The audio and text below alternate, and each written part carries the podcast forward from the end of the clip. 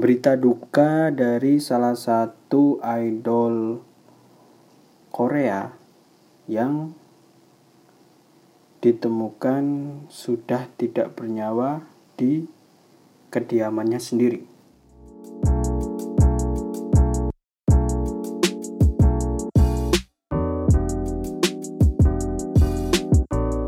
Yo, selamat malam para pengunjung warung JK Pots ya. Kembali lagi dengan saya Nazar di sini.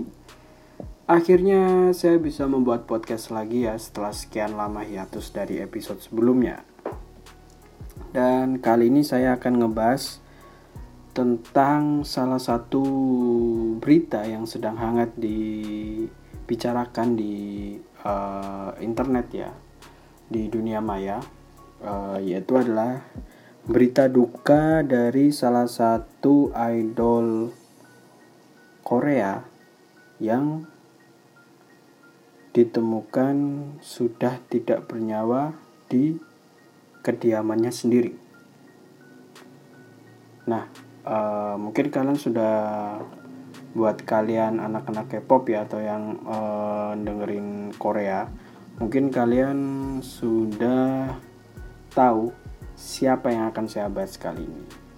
Nah, uh, sebelum itu uh, saya masih agak sedikit kaget ya ketika uh, masalah ini atau berita ini muncul di salah satu Instagram uh, saya gitu di timeline Instagram dan timeline Twitter.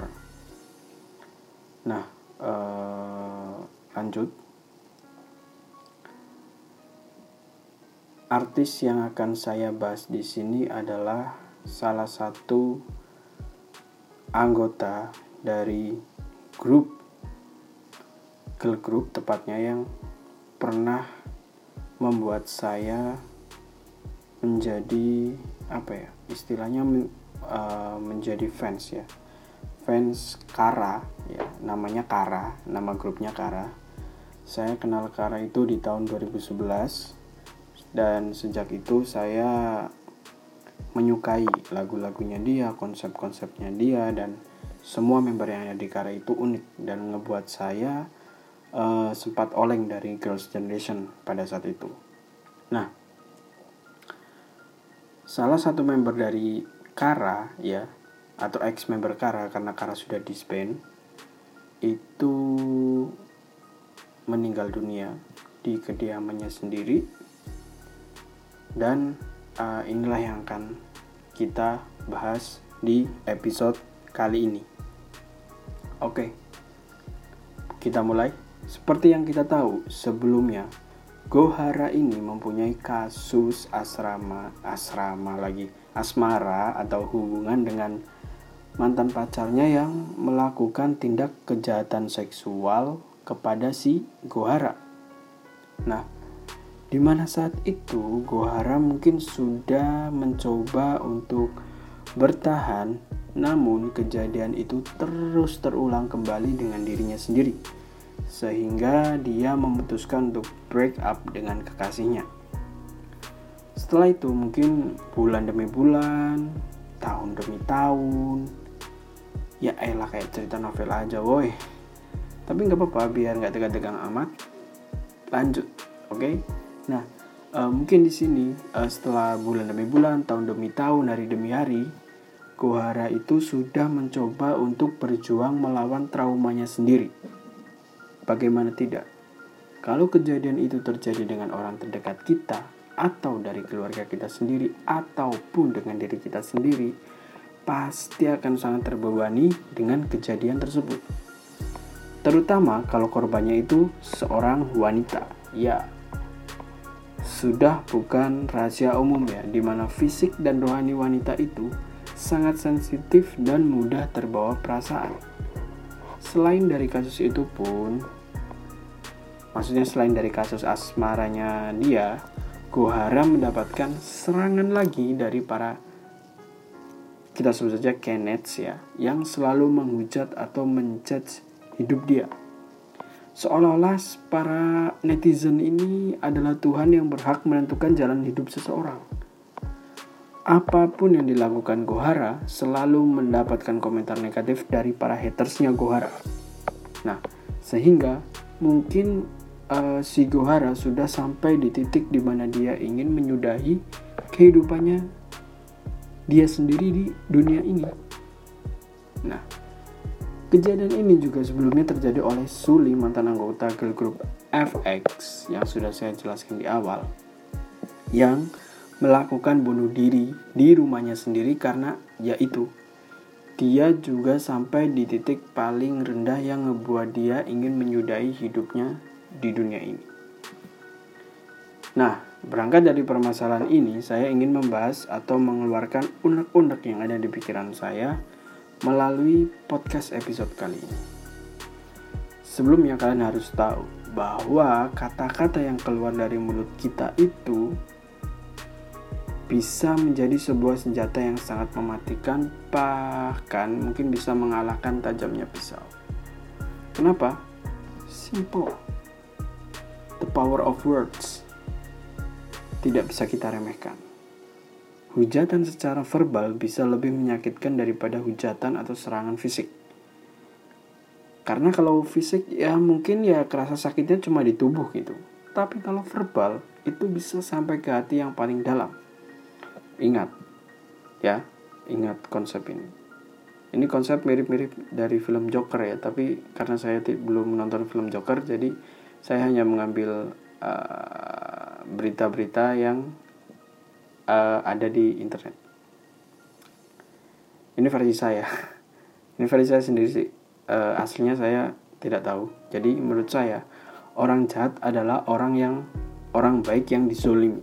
Nah, Untung saja Gohara dan Suli itu tidak sampai berpikir untuk melakukan balas dendam kepada haters-haters mereka atau sampai melakukan ya hal kejahatan yang timbul gara-gara permasalahan itu.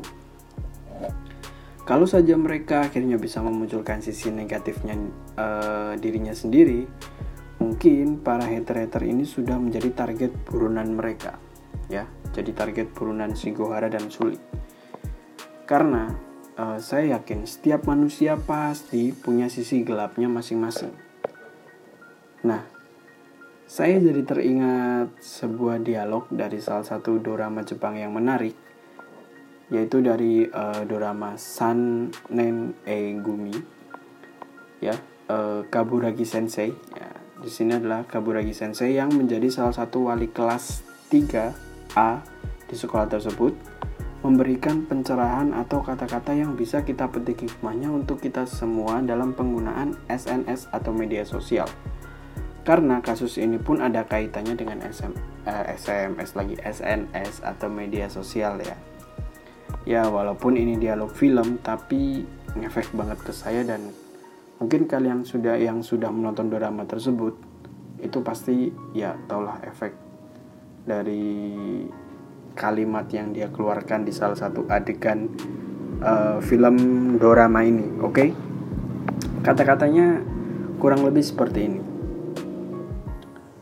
uh, ini saya artikan langsung ya uh, menurut uh, saya sendiri gitu jadi uh, ingat kata-kata adalah salah satu senjata yang bisa uh, diubah menjadi senjata yang mematikan. Terlebih sosial media. Sosial media adalah salah satu platform yang dibuat untuk kita melakukan kegiatan bersosialisasi di dunia maya. Tetapi aplikasi tersebut juga bisa menjadi sarana kejahatan ketika kita menggunakan sosial media atau SNS itu tidak pada tempatnya. Ingat, kata-kata adalah salah satu senjata yang paling mematikan atau bisa mengubah menjadi senjata yang paling mematikan bahkan mengalahkan tajamnya pisau. Jadi, intinya si Kaburagi Sensei ini adalah bijaklah dalam menggunakan media sosial.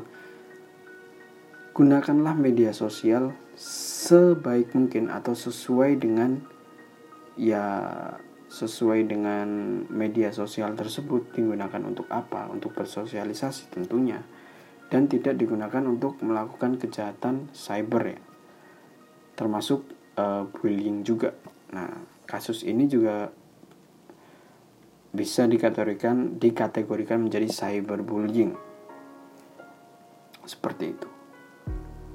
Nah, uh, intinya di sini adalah ya itu bahwa apa ya sebenarnya media sosial itu adalah salah satu aplikasi yang ngebuat kita bisa hidup bersosialisasi dengan keluarga kita yang jauh, teman kita yang jauh, atau mungkin kerabat-kerabat jauh yang uh, jarang ketemu, itu bisa bersosialisasi dengan salah satu aplikasi. Nah, aplikasi ini juga bisa menjadi senjata juga karena tidak digunakan dengan benar seperti itu. Jadi intinya adalah bijaklah dalam menggunakan media sosial. Itu.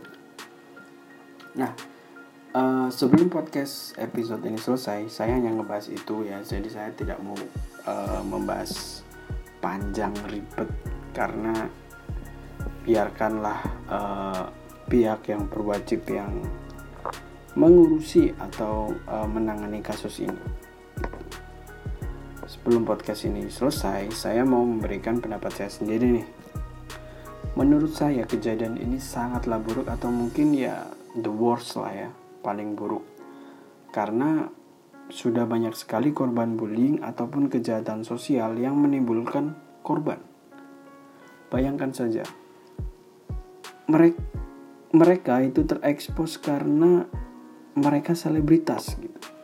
Coba bayangin kejadian ini terjadi bukan dengan seorang idol atau selebriti.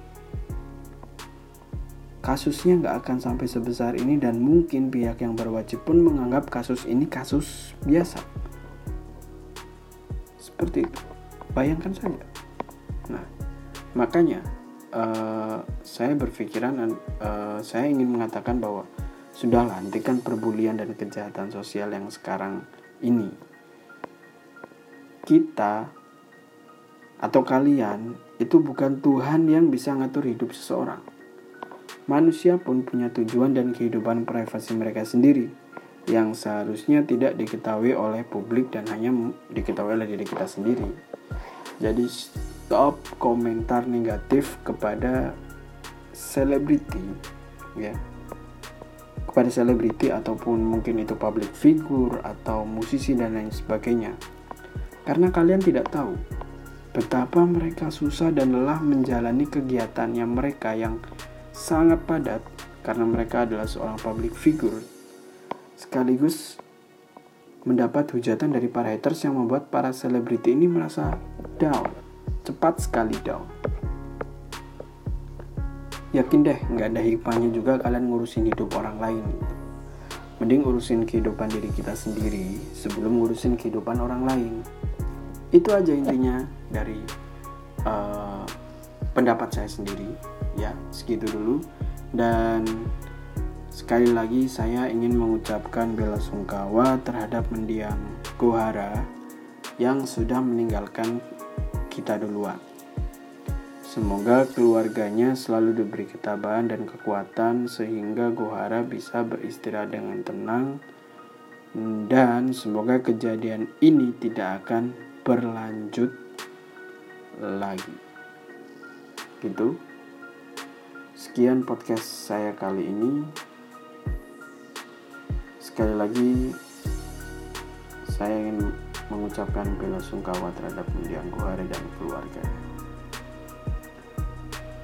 Sampai jumpa di episode selanjutnya. Saya Nazar dari Warung Jika Pots. Izin. Ciao. Bye.